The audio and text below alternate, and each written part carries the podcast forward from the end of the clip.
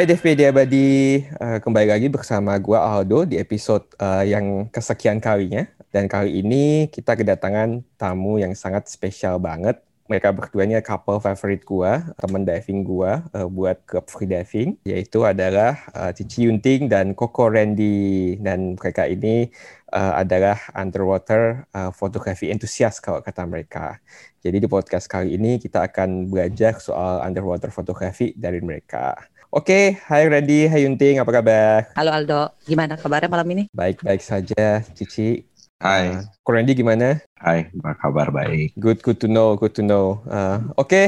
Randy sama Yunting, kita lagi malam ini di podcast ini mau belajar nih soal underwater fotografi. Gue sangat excited buat belajar dari kalian dan gue happy banget ya bisa ngundang kalian di podcast ini uh, sehingga gue bisa belajar underwater fotografi juga bersama para dive abadi yang dengerin podcast ini juga. Uh, Oke, okay, mungkin kalian boleh kenalin diri kalian kali ya, biar dive media abadi sini juga pada kenal background kalian, uh, sebagai udah diving berapa lama mungkin, kenapa menekuni underwater photography, dan informasi penting lainnya. Silakan. Halo, uh, saya Yunting. Sebenarnya kita mulai diving itu sejak 2012.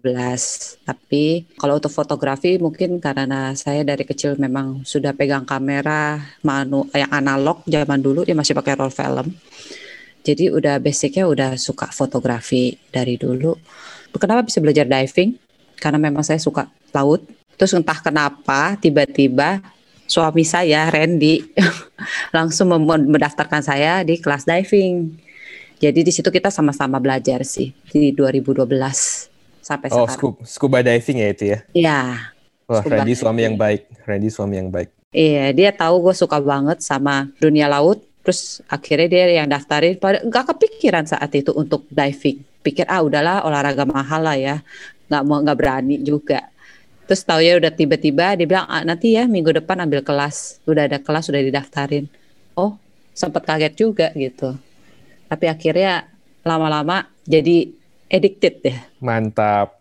Jadi udah 9 tahun ya berarti ya belajar uh, divingnya?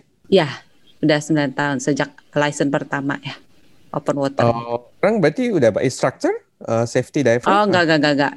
Uh, kita fun hmm. dive aja. Oh, oke. Okay. Uh -uh. Randy juga sama? Sama, sama. Aku kenalin diri dulu ya. Nama saya Randy. Saya ini asistennya Yunting. ke mana-mana saya uh, nemenin ya. Tapi mungkin belakangan lagi nggak bisa aja karena kerjaan. Jadi awal-awalnya memang kita uh, dia suka laut dan saya daftarin aja. Udahlah kita bareng-bareng nih ambil license nih, kita cobain. Nah pas ngambil-ngambil ini ternyata susah juga ya. Tapi dia demen gitu loh, jadi terusin aja. Tadi dia udah pengen nyerah nih di awal-awal open water nih. Nah tapi diterusin lagi oke okay juga sih. Jadi Uh, kalau fotografi ya tetap dia dulu. Kalau saya mah nemenin aja sih selama awal-awal gitu. Oh, actually yang yang suka fotografi awalnya Yunting dulu, baru branding ikut gitu ya? Iya betul. Soalnya selama dia foto gue nganggur nih. Ngapain ya? Gue nungguin lama sekali foto yeah, berjam-jam. Yeah. Aduh, yeah, yeah. jadi mau nggak mau gue ikut foto. Oh, I see, I see. Udah diving ke mana aja dan mungkin ada spot foto favorit gitu so far? Uh, kalau Ayo. buat gue, favorit gue tetap masih makro. Makro oh. itu binatang yang kecil-kecil, kadang cuma ukuran gak sampai satu senti. Itu karena kenapa suka uh, eh, kenapa suka makro? Karena itu susah dicari banget sih, bener-bener. Yeah kita pakai mata aja untuk mencari susah. Jadi kita harus uh, harus mempelajari seperti mana sih rumahnya, dia tinggalnya di mana gitu loh. Jadi kayak mempelajari sesuatu yang baru. Terus setiap yang kita lihat melihat spesies baru lagi. Oh, sesuatu baru. Kayak main kayak pakai main Pokemon tau. Jadi binatangnya aneh-aneh, lucu-lucu gitu. Oke, berarti gue udah ahli dong. Maksudnya kalau buat gue ya, gue tahu makro kesukaan gue tuh nudie brands, right? Tapi gue tuh nggak tahu kalau misal nggak ada uh, apa dive guide-nya yang nunjukin gue nudie brands-nya di mana karena itu saking kecilnya. Tapi kalau buat lu mungkin yang udah suka makro, matanya pasti bisa lebih awas gitu ya atau lebih jeli mengamatinya. Iya, uh, bukan sekarang sebenarnya kalau tidak mengenali, lu nggak mempelajari mereka binatang itu, lu nggak bisa tahu di mana dia tinggal. Makanya lu harus mempelajari behaviornya, di mana dia tinggal, dia matingnya bagaimana, hidupnya seperti apa, sirkulasi hidupnya. Terus jadi dari foto pun kita bisa lihat binatang itu stres apa tidak.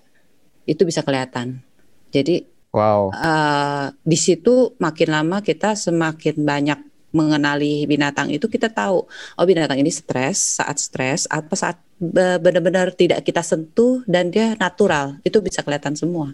Oh, I see, I see. Jadi harus mempelajari tabiat binatangnya dulu, karakteristik binatangnya dulu sebelum uh, benar-benar memoto. Jadi supaya kita istilahnya bisa uh, dapat spot binatangnya yang terbaik gitu lah ya. Ketika mereka nggak uh. stres, lagi uh, natural dan sebagainya gitu. Yeah kayak gitu sih. Kalau itu menurut gua ya karena memang kalau foto gua alirannya natural. Jadi gua lebih suka yang uh, apa adanya tapi di foto itu bisa ada uh, feel oh dia memang begini gitu loh. Ada feelnya sedikit. Nah makro itu punya tantangan. Bagaimana lu ngerasain keluarin feelnya itu? Kalau wide angle ya yang itu kan lu dapatnya momen. Memang momen juga susah hokinya juga pengaruh. Ada kesulitannya masing-masing, ada juga uh, kesenangannya masing-masing gitu. Kalau wide angle mungkin Randy lebih banyak sih, dia lebih lebih ke suka wide angle ya dia. Hmm. Kalau saya sih beda aliran ya. Mungkin awal-awal hobi makro juga sempat ikut kompetisi. Ya lu nggak boleh ceritain, boleh ceritain kompetisi lu dong, Ntar ya, ntar ya. Ntar, ntar.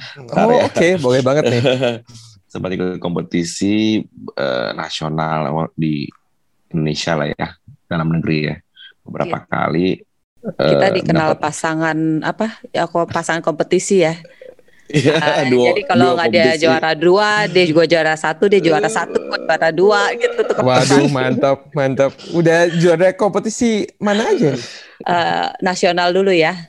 Awal-awal nasional, ya awal-awal Indonesia dulu si Randy bisa juaranya bisa dua loh. Kad, uh, ambil kategori makro sama white. Udah bisa dapat dua-duanya juara satu. Ya. Kalau ini lebih suka makro sih. Jadi pertama kita ikut kompetisi di mana di Padang ya waktu itu ya. Wow. Uh, kompetisi pertama gue di bukan di Padang sih di Bolsel. Oh, di Bolsel. Bolsel itu bagi dari Manado 6 jam turun ke bawah. Nah, itu mau ikut tuh. Uh, uh, tapi itu sih nggak menang. Itu kompetisi pertama aja hanya masuk nominasi. Tapi kalau yang menang yang di Padang. Itu setelah Padang apa Biak ya? Hmm. Apalagi ya? oh, lupa. banyak sekali. Banyak ya. Uh, Radia Mayunding nih kayak menangnya nih.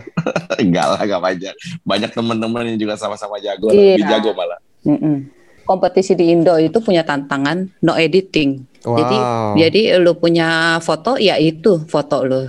Mau kotor, banyak scatter apa semua ya itu, nggak ada editing. Oh, Jadi, itu itu bagus dong jadinya. Is bagus atau tabah? Iya, itu bagus karena jatuhnya kan dinilai keahlian fotografer masing-masing. Hmm. Jadi tanpa bukan keahlian editing, tapi keahlian dia bagaimana dia pegang foto, uh, kamera untuk capture dia punya uh, hasil tekniknya gitu. Oh, setuju banget, setuju banget. Terus uh, luar biasa ya kalian ya. Uh, eh, gue jujur baru tahu kalau kalian suka ikut kompetisi dan juara juga. Uh, luar biasa banget. Uh, terus buat selama ini ya kalian belajar tuh secara otodidak atau kalian mungkin ikut kursus, uh, mungkin belajarin dari internet atau hmm. ada panutan tersendiri sih mungkin? Kalau gue otodidak, belajar kalau dari fotografi sebenarnya dari kecil dari bokap Hmm. Cuman kasih tahu waktu itu ya cara penggunaan klise lah, ISO itu apalah, itu hanya tahu secara ini. Tapi uh, kemudian udah ini kan merit, merit urus anak dan ke udah udah mulai sibuk. Nah setelah anak udah mulai besar, barulah mulai terjun lagi bukan di fotografinya aja, tapi ternyata masuknya ke diving. Jadi jatuhnya ke underwater. Nah itu sesuatu yang benar-benar baru buat gue juga sih. Pertamanya awal semua foto hijau, nggak ada warna apa pun selain hijau. Se -se Sehijau warna air ya. hijau, hijaunya pulau pramuka ya. Itu.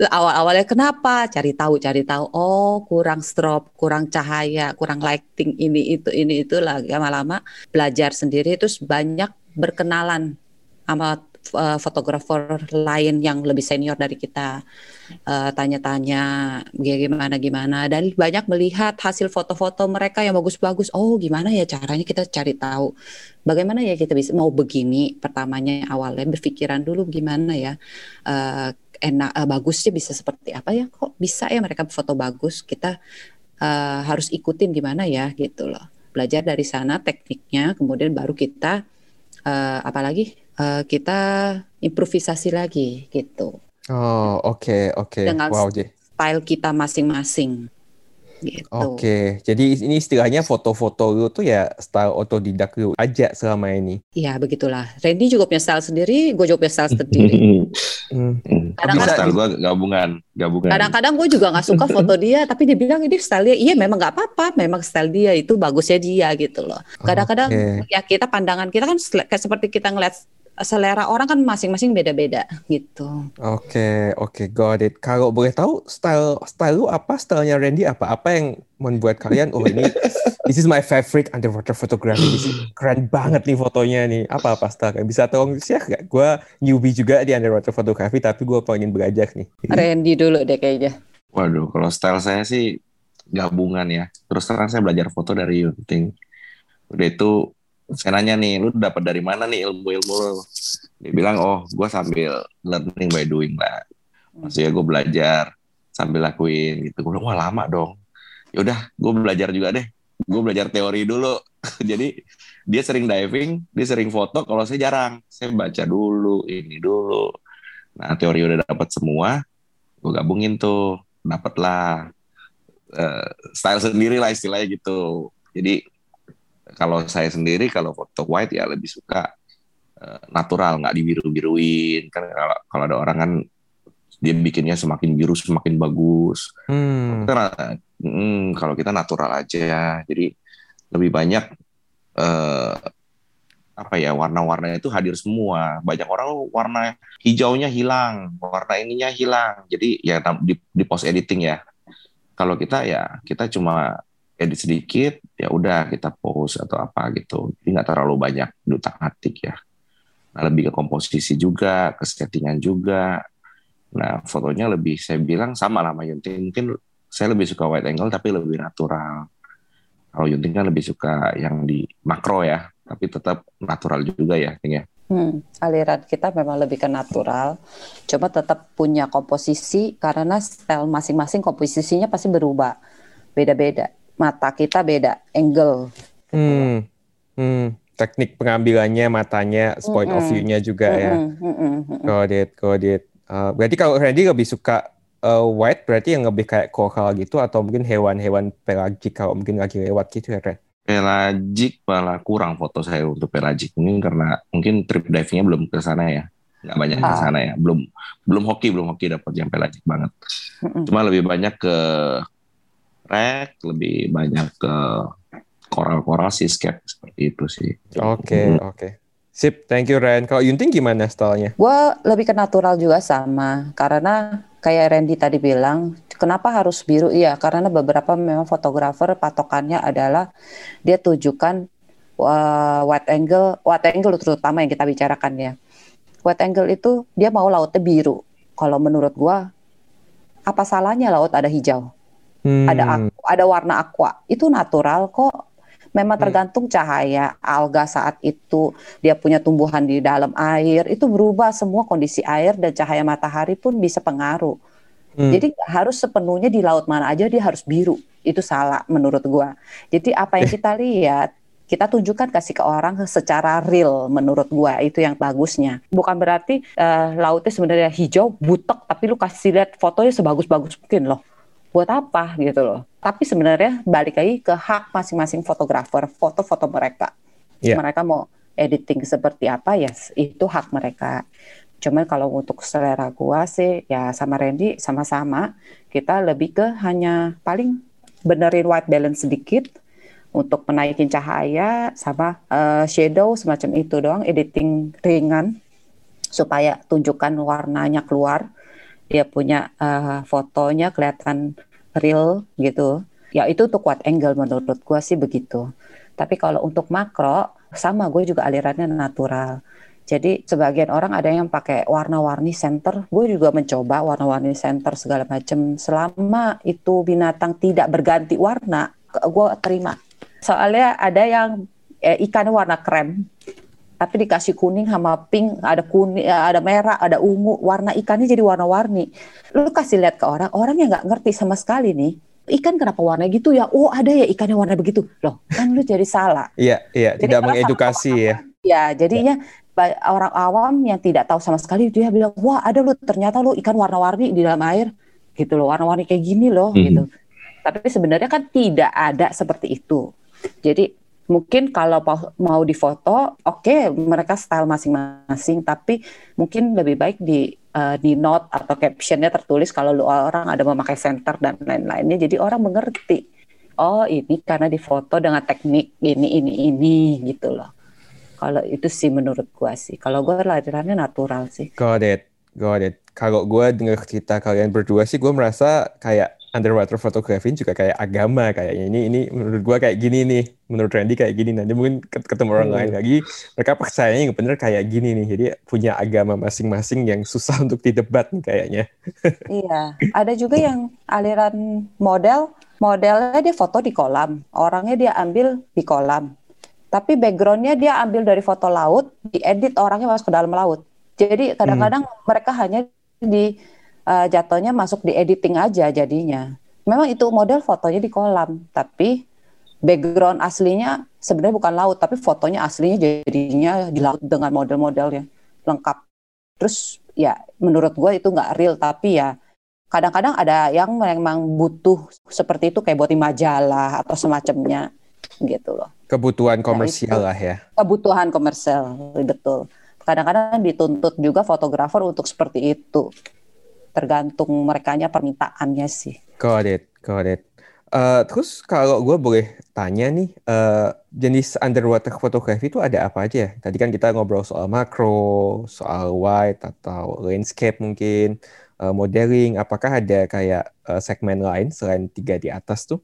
Nggak ada lagi sih kalau di kalau dibagi menurut uh, ininya ya seperti tadi tiga tapi kalau dibagi lagi menurut alirannya beda lagi tergantung mau dibagi, terbagi atas apa gitu loh berdasarkan apa. Ada juga yang lebih suka uh, yang tadi bilang ya ada yang ekstrim ada yang natural ada yang settingan. Nah itu banyak macam sih sebenarnya sih. Oh oke okay, oke. Okay.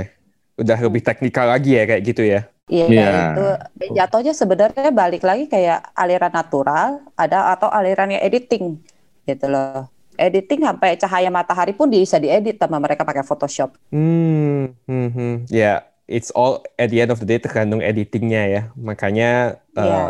bagus banget kalau menurut gua kalau ikut kompetisi nggak boleh diedit. Jadi ya itu like benar-benar tergantung fotografernya lah ya. Ya rata-rata kalau kompetisi kalau iya.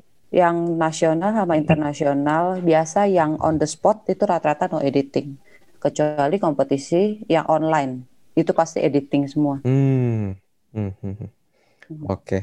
oke, okay, thank you so much uh, Randy sama Yunting. Mungkin uh, bisa share kak ya kalau misal ada newbie nih di underwater photography mau belajar di underwater photography harus mulai dari mana dulu sih? Apakah harus mempunyai uh, kamera yang mahal atau mungkin harus belajar di uh, suatu tempat-tempat diving tertentu atau mungkin objek tertentu? Bisa share tips and triknya? Saya dulu ya. Ya. Ya kalau kalau saya bilang sebelum masuk ke fotografi sebaiknya si diver ini sendiri memperbaiki skillnya dulu divingnya sampai hmm. dia menguasai buoyancy yang bagus baru deh masuk ke fotografi hmm. karena uh, skill buoyancy dan lain-lain itu sangat dibutuhkan sekali pada saat nanti uh, pengambilan foto hmm. bergantung lah sama skill divingnya juga gitu seperti itu. Itu aja sih tips saya awal-awal kalau mau start ya lu master uh, mastering dulu skill untuk divingnya gitu. Oke jadi harus master ya. buoyancy biar istilahnya fotonya juga agak goyang gitu ya. Pengambilan uh, angelnya juga lebih enak gitu ya Ren. Ya satu hal itu satu hal lagi tidak me, apa merusak atau membahayakan uh, biota-biota laut yang lainnya pada saat pengambilan gambar. Oke oke. Sip. Kalau dari Yunting? Uh, sama sih balik lagi buoyancy karena kadang buoyancy itu pengaruh besar. Uh, lututnya turun sedikit koral kena. Finnya kakinya turun sedikit itu yang dibawa ikannya atau apa eh, atau si fan atau apa kena. Itu itu penting sekali sih menurut gua. Jadi buoyancy setidaknya mereka harus uh, kalau kalau kita diving kan ada berapa lock berapa lock minimal ya mereka harus belajar buoyancy mungkin 20 atau 30 lock untuk khusus untuk belajar buoyancy karena itu sangat pengaruh sekali sekarang kalau apalagi foto makro. Tarik napas sedikit naik. Turun buang napas sedikit turun. Hmm, ya hmm, hmm. itu itu pengaruh besar sekali sih. Jadi kalau foto makro baru ini udah goyang sana goyang sini udah nggak bisa. Jadi kadang-kadang dia pegang segala macam karang segala macam dipegang-pegang. Oke, gue Gitu. yakin dalam uh, perjalanan uh, underwater diving kalian, kalian pasti banyak sekali ketemu diver kayak gitu ya, yang demi foto yang bagus, objeknya dimain-mainin, karangnya dipegangin dan sebagainya gitu. Itu pasti annoying banget nggak sih? sampai kita dikibas pasir juga udah banyak kepala kena fin juga ada gitu loh ada sih banyak. Terus sama kalau kamera menurut gua sih yang penting tekniknya dulu. Kamera apa pun mau compact ke apa semua bisa dapat hasil yang bagus. Cuman asalkan tekniknya mereka mengerti basicnya seperti apa. Soalnya banyak orang pegang kamera ya cuma gaya aja untuk fotografer di eh, under underwater. Padahal dia ISO apa dia nggak tahu, shutter speed apa nggak tahu, ya, ap- aperture apa dia nggak ngerti, semua nggak ngerti gitu loh. Jadi eh, basicnya kamera apa pun pelajari kameranya dulu, baru turunlah ke air. Karena sampai di dalam air nggak bisa bertanya sama sekali.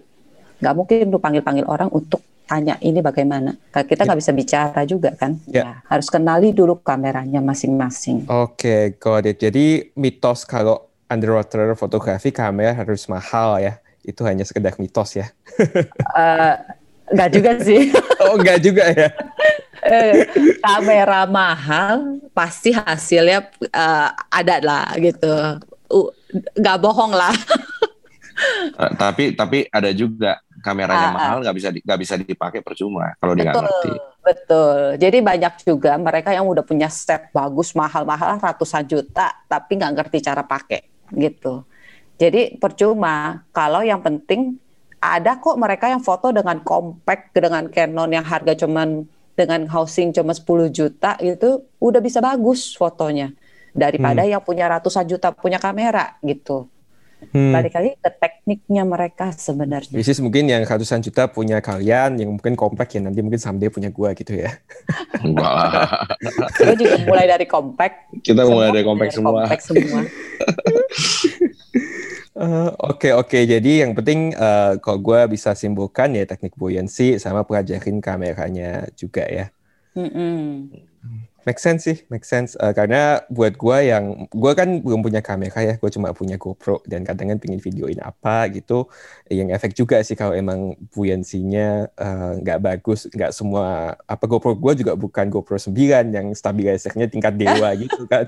Eh, GoPro masih GoPro 5 Hmm. waktu itu, jadi kayak wah kasar banget sih harus emang belajar buoyancy biar pengambilannya bagus. Nah, GoPro aja pengaruh loh Boyan sih. Iya, apalagi kalau ambil yang makro-makro atau ikan kecil lagi gerak gitu kan. Hmm. Hmm, gitu. Eh, by the way, ada nggak sih eh, eh, best photoshoot kalian yang kalian eh, ambil underwater atau mungkin the most memorable one yang mungkin kalian bisa share ke teman-teman di sini? Eh, Randy dulu kayaknya. Kalau gua nggak ada deh yang bagus. Menurut gua semua bagus sih. Atau mungkin yang memorable deh, the most the most memorable The most memorable kayak Hmm. most memorable- itu mungkin yang di Superiori ya.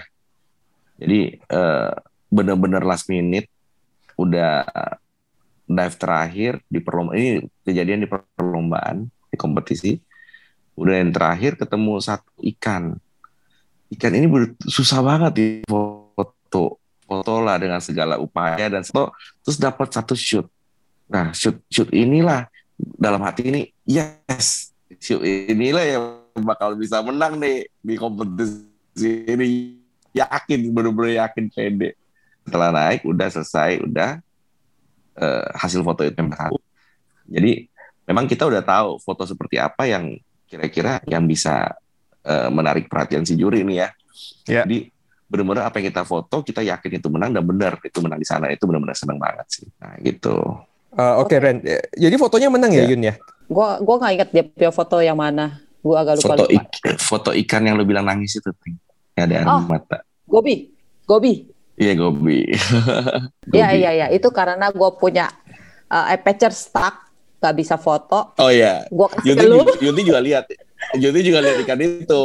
Gue harusnya foto. foto dulu ikan. Ternyata gue punya uh, aperture itu nggak bisa disetel. Jadi dapetnya bo uh, bokeh terus, nggak bisa karena terlalu tipis. Akhirnya karena waktu kita uh, kompetisi itu ada waktu. Setiap penyelaman cuma boleh 60 menit. Setelah itu harus hmm.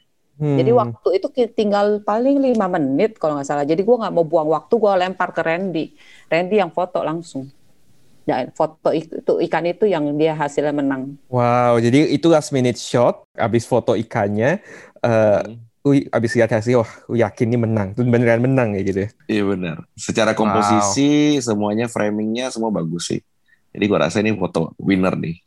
Ya benar juga. Wow, luar biasa, luar biasa. Nah kalau kalau yang ting ada tuh kayak tuh yang di Anil Lauting. Gimana foto lo ting yang lu yakin kan? yang pakai drama. iya, uh, itu kalau ceritain itu panjang sekali sih ceritanya. Jadi uh, itu salah satu foto inter, uh, kompetisi internasional pertama gua yang dan uh, gue berhasil mendapatkan nama buat Indonesia. Sebenarnya uh, oh, kenapa? Ting? Itu kalau untuk uh, kategori makro itu uh, yang ter uh, Anila foto photoshoot itu uh, paling bergengsi lah. Ya paling bergengsi uh, untuk kompetisi makro di Asia Tenggara. Hmm. Wow. Jadi uh, dari berbagai negara semua datang ke sana. Uh, ada masanya dia hanya di akhir November biasanya. Uh, itu kurang lebih cuma empat hari.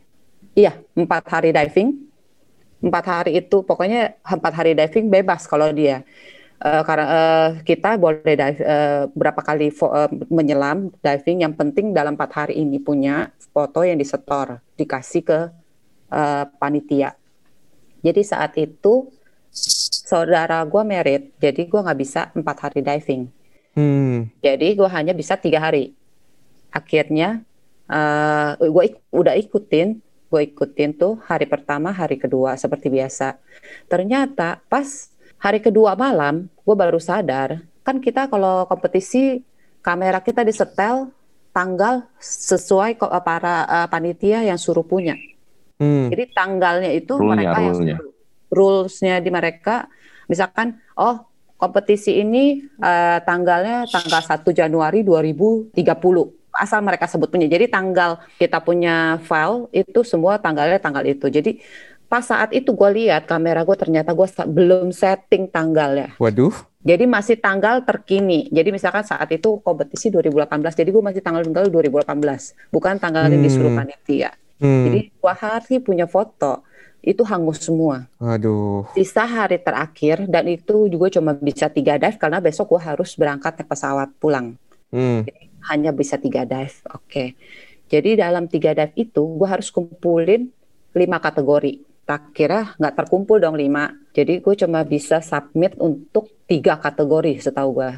Jadi untuk super makro, behavior, sama nudie branch. Itu hmm. dari dari lima kategori cuma bisa setor tiga kategori. Jadi dalam tiga diving terakhir itu gue ya udah pa agak pasrah sih sebenarnya ya udah dapat dapat nggak dapat ya udah ya udah. Terus pas besokannya pagi ke sebelum ke berangkat kita submit udah gitu pulang. Jadi pas udah pulang besok itu kan gue pulang berarti masih hari kompetisi. Besokannya lagi lusanya baru pemberitahuan. Pengumuman ya. Pengumumannya. Ya. dan nggak nyangka foto gue masuk sebagai juara satu untuk super makro. Wow Nah, itu gue gue benar-benar kaget karena gue nggak berharap dalam tiga diving itu gue bisa mendapatkan foto yang bisa menjadi juara. Nah, hmm. dan di saat itu juga rulesnya sama no editing. Jadi foto yang murni benar-benar murni dengan teknik lu gitu loh semua. Jadi ya itu sangat memori buat gue karena namanya kompetisi itu kita semua pressure. Oh, gue di saat itu juga udah nangis-nangis pas gue lihat tanggal gue kamera itu. uh, setelah setting gue udah nangis-nangis satu resort udah tahu gue nangis pokoknya gue udah stres gue udah gue udah putus asa dan ini itu cuman gue berpikiran masih ada satu hari lagi dapat nggak dapat dapat dapat nggak dapat ya udah nggak boleh menyerah gitu. Jadi saat itu dan gue sendiri, Randy nggak ikut.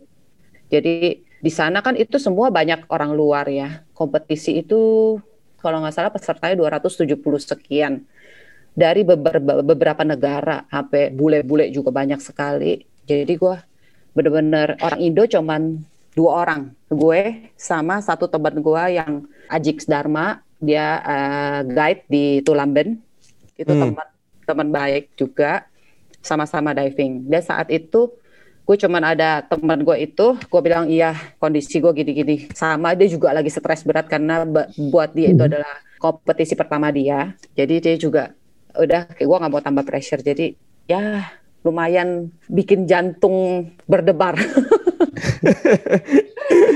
Sampai keringet dingin tuh. Coba oh, dia itu kita pasrahkan eh, dengan segalanya gue gue juga nggak nyangka ternyata para juri suka foto gue ya udah dengan senang hati akhirnya itu foto yang benar-benar gue banggakan luar biasa jadi even lu nggak menyangka foto yang gue ambil itu akan jadi pemenang gitu. Oh foto gue yang gue ambil sempat bikin down.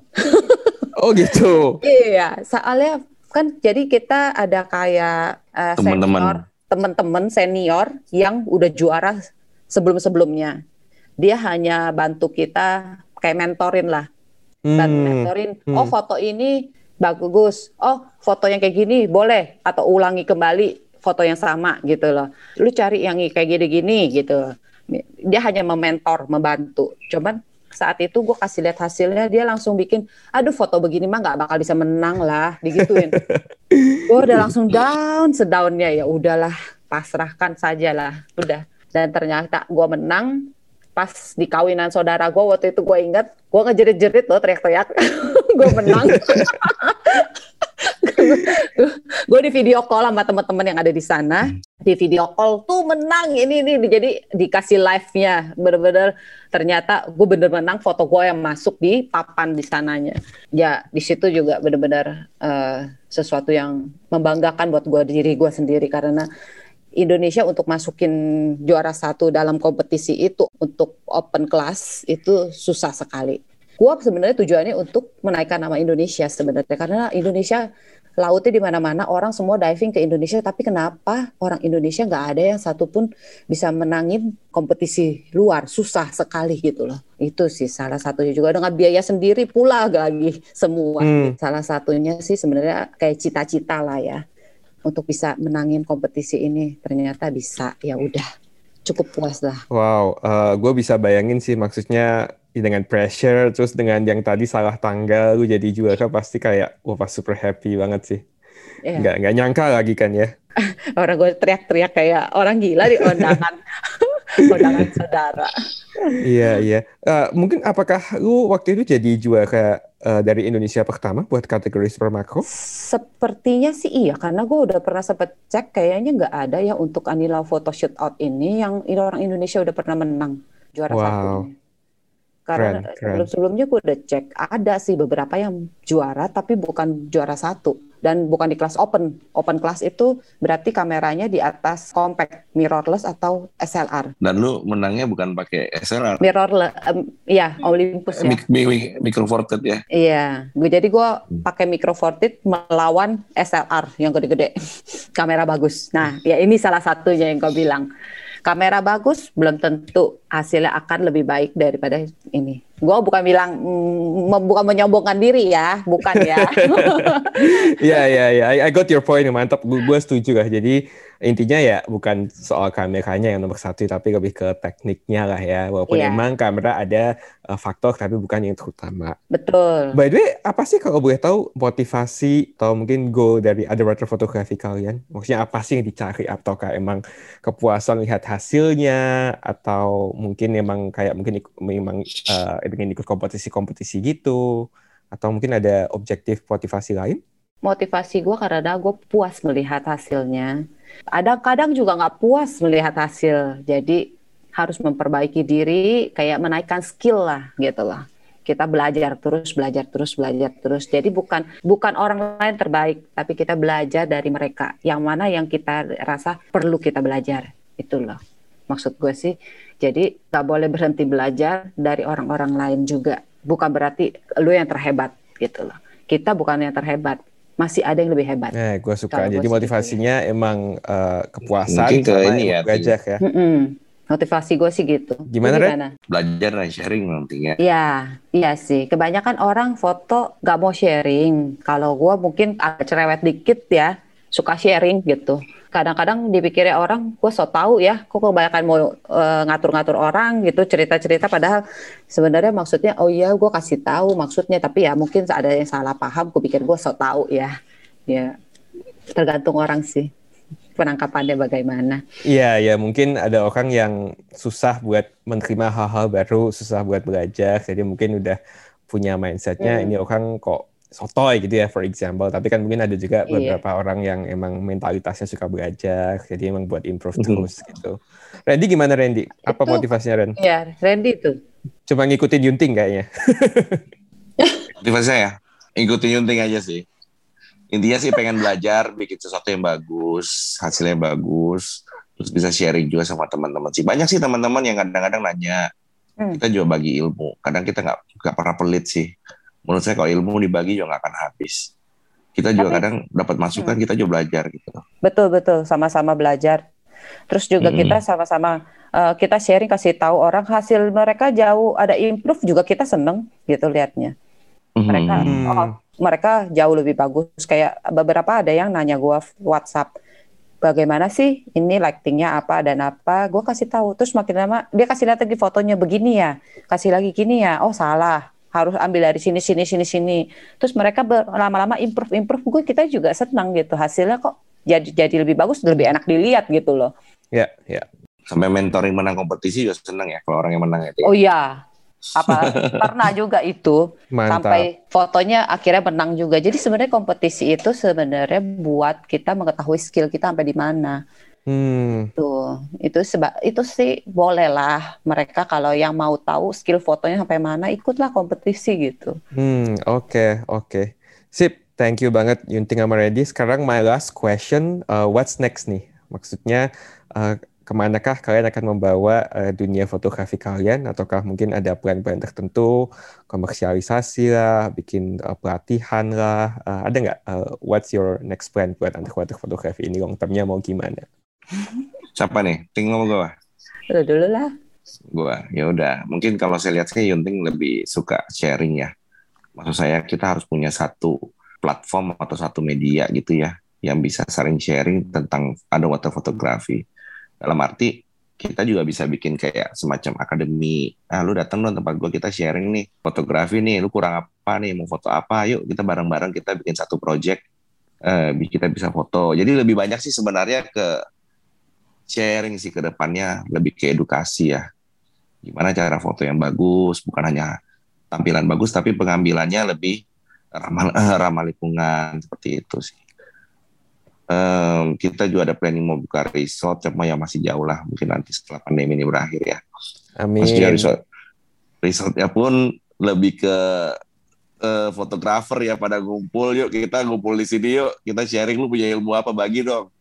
Nanti kita juga bagi kan, nanti kurang di mana kita juga saling ini. Kita ada project misalnya kita foto sesuatu yang mungkin teknik yang baru, yuk kita sama-sama kita garap nih biar eh, fotografi Indonesia nih lebih maju lagi dibanding yang lain dan kita bisa munculkan para fotografer-fotografer baru nih yang punya hasil foto tuh bagus dan bisa dikenal sampai ke luar negeri gitu loh.